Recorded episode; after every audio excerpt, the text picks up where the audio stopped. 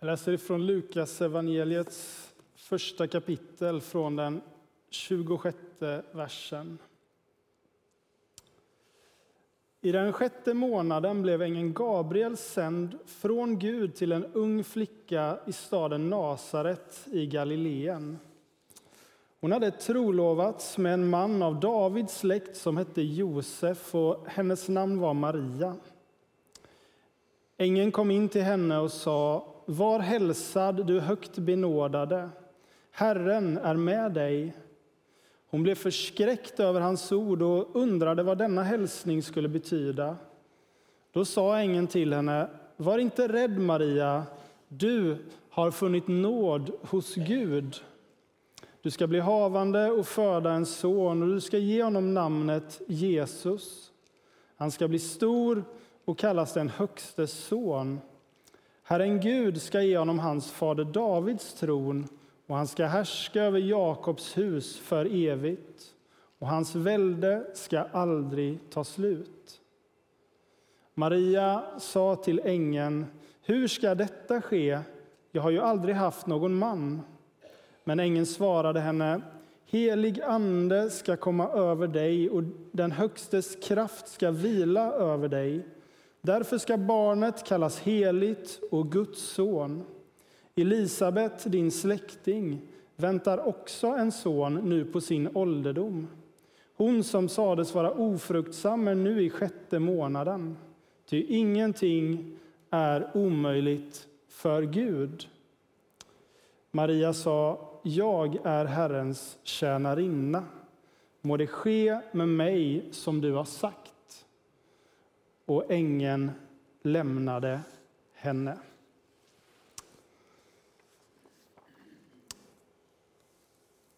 I början av Lukas evangeliet berättas om två rätt osannolika graviditeter som hänger ihop.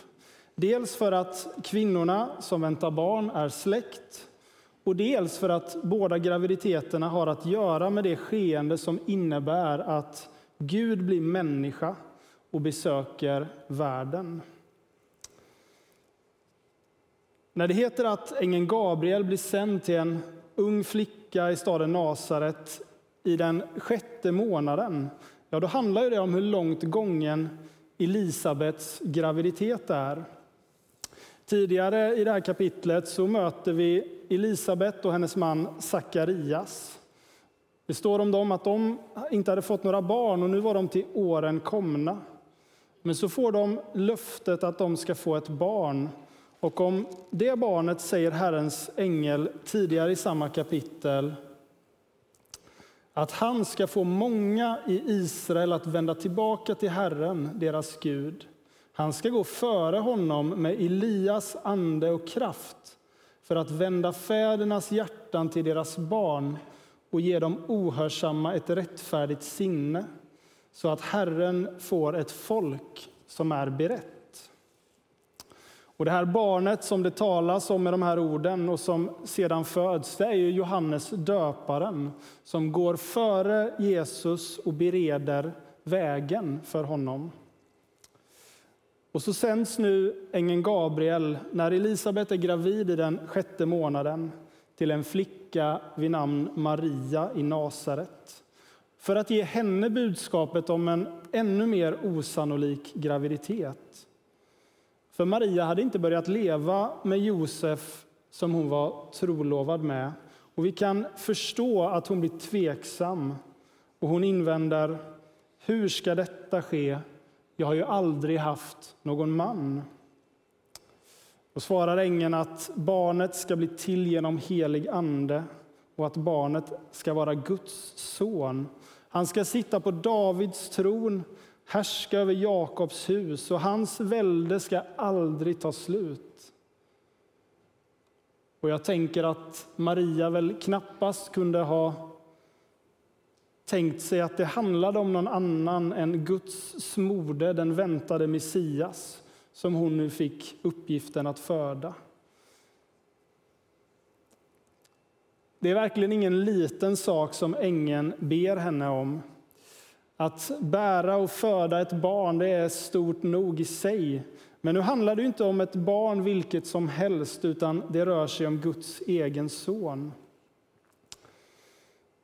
Man kan också tänka sig att i den här tiden och den här kulturen så kommer också den här graviditeten att föra med sig att Maria får bära skammen som det innebar att bli med barn innan man ingått äktenskap.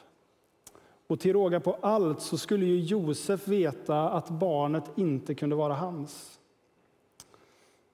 Som sagt, det var ingen liten sak ängeln bad Maria om. Det här budskapet måste ju ha omkullkastat hela hennes tillvaro. Och det enklaste för henne hade väl varit att säga nej, försöka förtränga vad hon varit med om, låtsas som om det där änglabesöket aldrig hade ägt rum. Maria hade egentligen allt att förlora. Sitt rykte, sin framtid, sin möjlighet att leva ett gott liv i Nasaret tillsammans med Josef. Allt det står på spel vid ängens besök. Allt hon hoppas på kan gå förlorat. Och ändå säger Maria de här orden. Jag är Herrens tjänarinna. Må det ske med mig som du har sagt. Och jag tänker att hon på något sätt faktiskt måste ha förstått att det verkligen var ett budskap från Gud som ängeln kom med. Och att det är därför som hon vågar säga sitt ja. Maria måste ha insett att oavsett vad den här graviditeten skulle komma att få för konsekvenser för henne så skulle hon genom att säga ja dras in i Guds verk. Hon skulle bli en del av Guds frälsningsplan för världen. Och då ställde hon sig till förfogande, oavsett vad det innebar för henne. Maria tror på ängelns budskap, något som hennes släkting Elisabet senare bekräftar när de träffar varandra. Hon säger om Maria, salig hon som trodde, till det som Herren har låtit säga henne ska gå i uppfyllelse. Maria tror på budskapet och hon överlåter sitt liv till det. Jag vet inte vilka bilder av Maria som du har med dig, vad du tänker om hennes plats i kyrkan så i den troendes liv. I våra sammanhang kan vi ju ibland känna oss lite osäkra, kanske rent av obekväma inför hur vi ska förhålla oss till Maria. Eller så förhåller vi oss inte alls till henne. Men utifrån den här texten i Lukas evangeliet skulle jag vilja lyfta fram Maria som en förebild för sin överlåtelse och hur hon på det sättet kan bli ett exempel för oss att följa. För även om Jesu födelse naturligtvis är något unikt som inte kommer upprepas så vill Gud använda också dig och mig i sitt verk i världen när han gör något nytt. Och då tänker jag att vi kan lära oss av den här berättelsen. Och jag vill lyfta fram tre saker från berättelsen om Maria. Först är att Gud utväljer helt vanliga människor. Sedan att vi är fria att säga vårt ja. Och slutligen, som jag varit inne på, att vi kan lära av Marias överlåtelse när hon svarar i tro och med lovsång. För det första så utväljer ju Gud helt vanliga människor att samverka med honom. Vi skulle till och med kunna säga att Gud verkar ha en förkärlek för att använda den otippade. Bibeln är ju alldeles full av osannolika hjältar som gjorde det ingen förväntade sig av dem. För att bara nämna några så kan vi tänka på Mose som ju hade svårt att tala men som blev folkets talesperson inför farao. Vi kan tänka på herdepojken David som blir den mäktige krigarkungen i Israel. Och nämner vi David kan vi också tänka på moabitiskan Rut som var en främling som kom från ett fiendefolk som var invandrare i Israel och som Gud lät bli Davids anmoder. Den son hon fick, som det berättas om i boken med Ruts namn. Den sonen blev ju sedan Davids farfar. Vi kan tänka på Ester som hade hamnat i exil. Hon var judinna men blev drottning i Persien och genom det uppdraget, eller den uppgiften, så kunde hon vara med och rädda judarna från att helt utrotas. Och vi kan tänka på lärjungen Petrus som var den vacklande förnekaren som blev en klippa i Guds rike. Vi skulle kunna fortsätta och vi skulle även kunna tänka på många exempel ur kyrkohistorien. Gud kallar helt vanliga människor, sådana som du och jag, till sitt rike. Och genom sin ande så utrustar Gud dem för att göra det som han vill se. I en värld där människor ofta sorteras ut och väljs bort och istället de talangfulla och de mäktiga lyfts fram så är det som att Gud vänder upp och ner på det där och säger att den siste ska bli först. Och att du som i världens ögon kanske inte är så mycket, du har en plats och det finns en uppgift för just dig i mitt rike. När Maria kanske tvivlar lite grann och tänker att det ängeln ber henne om är omöjligt eftersom hon inte haft någon man, då ser istället ängeln Guds möjlighet. Elisabet, din släkting, väntar också en son nu på sin ålderdom. Hon som sades vara ofruktsam är nu i sjätte månaden. Ty ingenting är omöjligt för Gud. Första Korintierbrevet, första kapitlet, så skriver Paulus i ett par verser. Bröder och systrar, tänk på när ni blev kallade. Inte många var visa i världslig mening, inte många var mäktiga, inte många förnäma. Men det som är dåraktigt för världen utvalde Gud för att låta dem visa stå där med skam. Och det som är svagt i världen utvalde Gud för att låta det starka stå där med skam.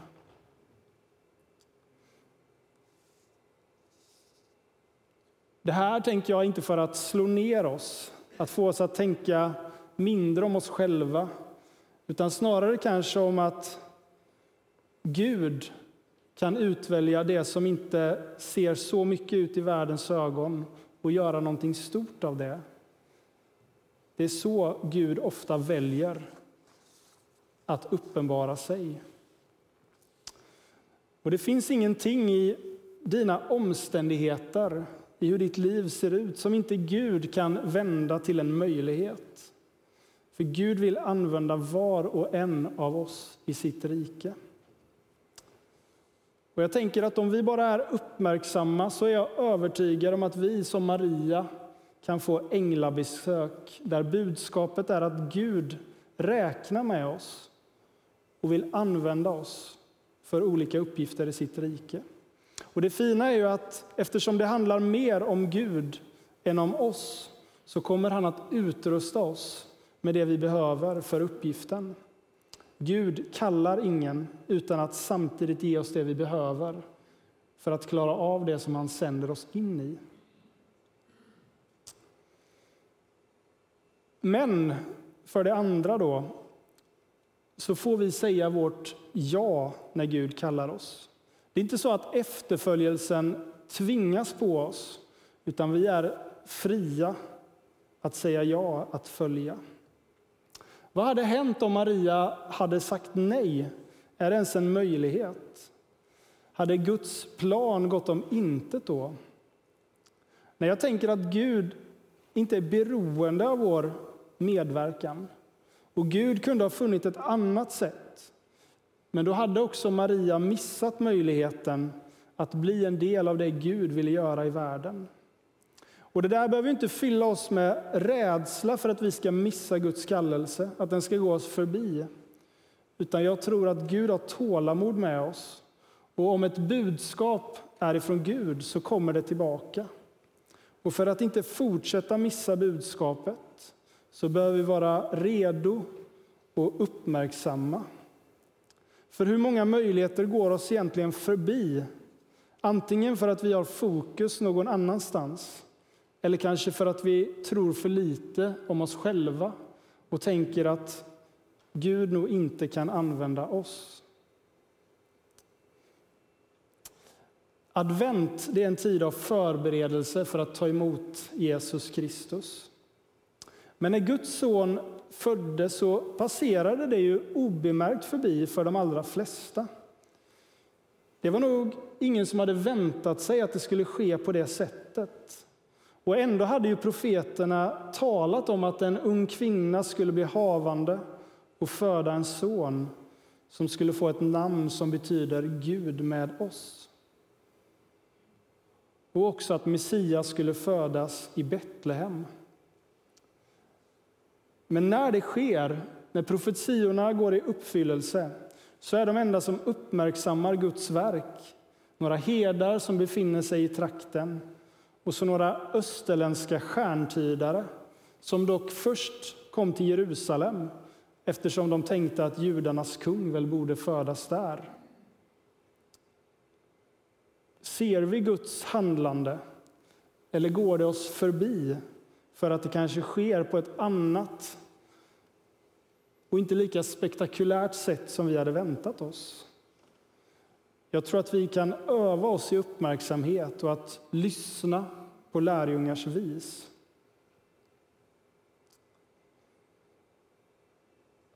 Och så för det tredje vill jag avslutningsvis stanna inför på vilket sätt Maria svarar på Guds kallelse som finns i ängelns budskap. Vi har redan hört hennes ord av överlåtelse. Jag är Herrens tjänarinna. Må det ske med mig som du har sagt. Och i det så blir hon ett föredöme för varje lärjunge som också är kallad att säga sitt ja och överlåta sig till Gud och till det Gud vill se i världen. Ett annat sätt att beskriva Marias gensvar är ju att säga, att säga att hon svarar i tro och med lovsång. Maria tror på ängelns budskap trots det osannolika i det som sägs. Det ryms kanske lite tvivel där som finns i hennes liksom, invändning och fundering om hur detta kan ske. Men trots tvivlen och trots det osannolika så svarar hon i tro och det står för en tillit som hon har till att Gud vill det goda. Och som det finns en osäkerhet inför vad det innebär. Och så brister Maria ut i lovsång. Trots den utsatthet som eh, det måste innebära för henne att säga ja till det ängeln ber henne om. Vi lyssnade till de verserna, jag läste dem inledningsvis. Efter Marias möte med Elisabet så finns det som kallas för Marias lovsång. Inför det som Gud gör i hennes liv så brister hon ut i en glädjesång. En lovsång över att få vara en del i Guds frälsningsplan för världen. Det var inte enkelt, det hon blev ombedd att göra. Det innebar en stor utsatthet för henne. Men det skänkte henne samtidigt en djup och varaktig glädje som gick bortom de prövningar det gav henne. Och jag tänker att också för oss så är ju att följa Jesus inte alltid att välja den enklaste vägen. Men det är en väg som ger mitt liv en mening och som skänker en glädje som går djupare än det motstånd och de prövningar som jag kan möta längs vägen. Och här kan Maria lära oss att svara med lovsång, med tillbedjan på det som Gud gör. Också om det ibland är en utmaning att gå den väg han kallar oss att gå.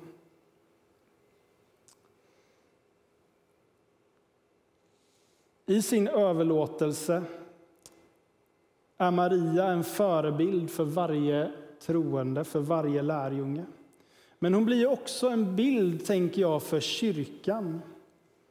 Någon har formulerat det som att vad Maria gör det är kyrkans djupaste kallelse.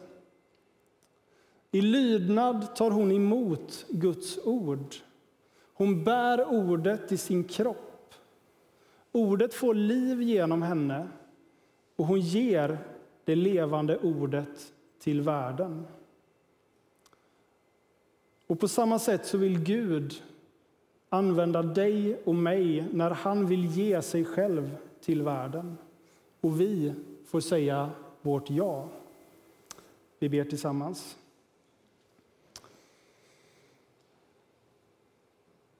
Tack Jesus Kristus att, eh, att du vill räkna med oss.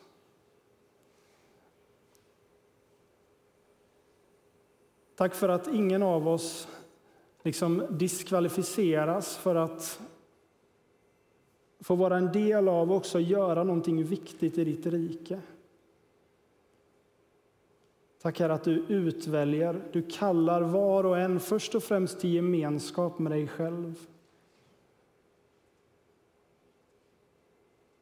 Men också att få betyda någonting för andra människor, för allt det goda du vill göra och se i världen. Herre, ge oss lite mer av Marias överlåtelse. Ge oss modet att säga ja, trots det ibland ovissa som det kan innebära, innebära att gå in i olika saker som, som du vill se, Herre. Amen.